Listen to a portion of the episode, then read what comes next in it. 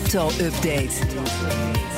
En daartoe gaan we naar Herbert Blakkers, presentator van BNR's Cryptocast, onze podcast over Bitcoin en andere digitale coins. Herbert, goedemorgen. Hoi Bas. Hi, Kamerlid eh, van de SP, maar hier Alkaya, heeft lastige vragen over crypto gesteld aan Wopke Hoekstra, de minister van Financiën. Vertel.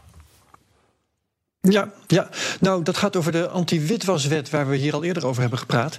De implementatiewetwijziging via de anti-witwasrichtlijn heet die officieel.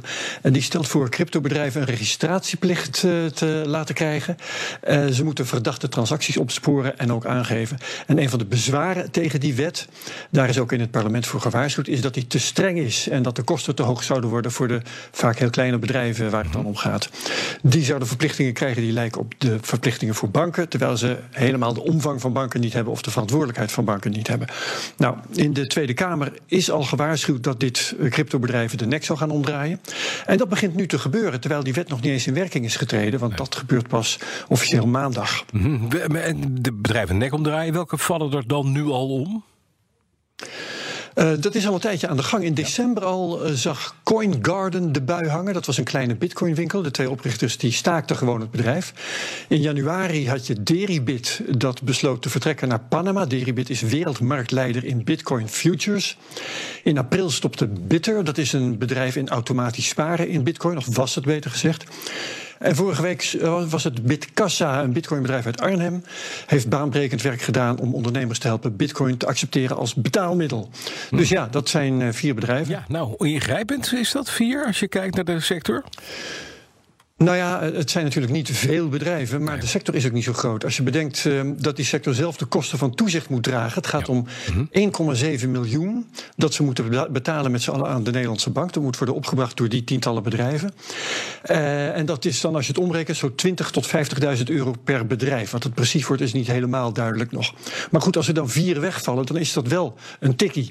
Want de kosten worden dan hoger voor de rest, omdat ze dan met minder bedrijven hetzelfde bedrag moeten betalen.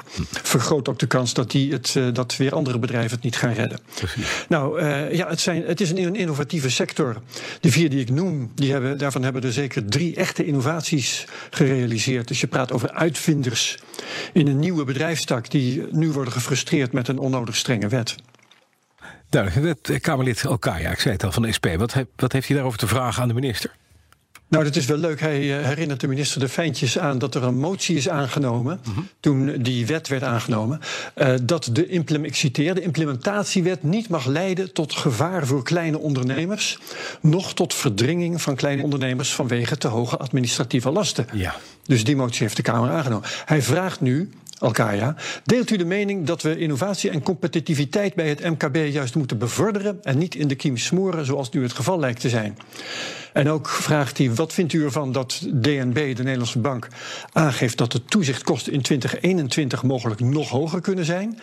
Volgende vraag, wat gaat u doen om deze last voor het MKB te verlichten en te voorkomen dat er monopolievorming optreedt of dat deze sector uit Nederland gejaagd wordt? Nou, die vraag heeft hij vlak voor het weekend gesteld op 8 mei. En de minister heeft uh, drie weken de tijd om te antwoorden. Ja. Dus over 2,5 week na nu moeten we weten wat hij daarop te zeggen heeft. Ja, we horen wat hij zegt, precies. De ja. CryptoCast, morgen Herbert, wat heb je erin? Mark van der Scheijs, Nederlandse crypto-ondernemer, die woont in Vancouver. Hij is onder andere oprichter van een miningbedrijf. En met hem gaan we praten over de effecten van de halving van eergisteren. Ja. De halvering van de beloning voor de miners van Bitcoin. Uh, we gaan zeker ook met hem praten over die anti-witwaswet. Daar zal hij ook het nodig over te zeggen hebben. Door het tijdsverschil met Vancouver wordt het wel morgenavond voor we hem klaar hebben. Ja, zo gaat dat inderdaad met Vancouver. Ja. Dus de andere kant. Dankjewel, Herbert Blankenstein. Alle afleveringen van de CryptoCast zijn terug te luisteren via de BNR-app, bnr.nl of in je favoriete podcast-app.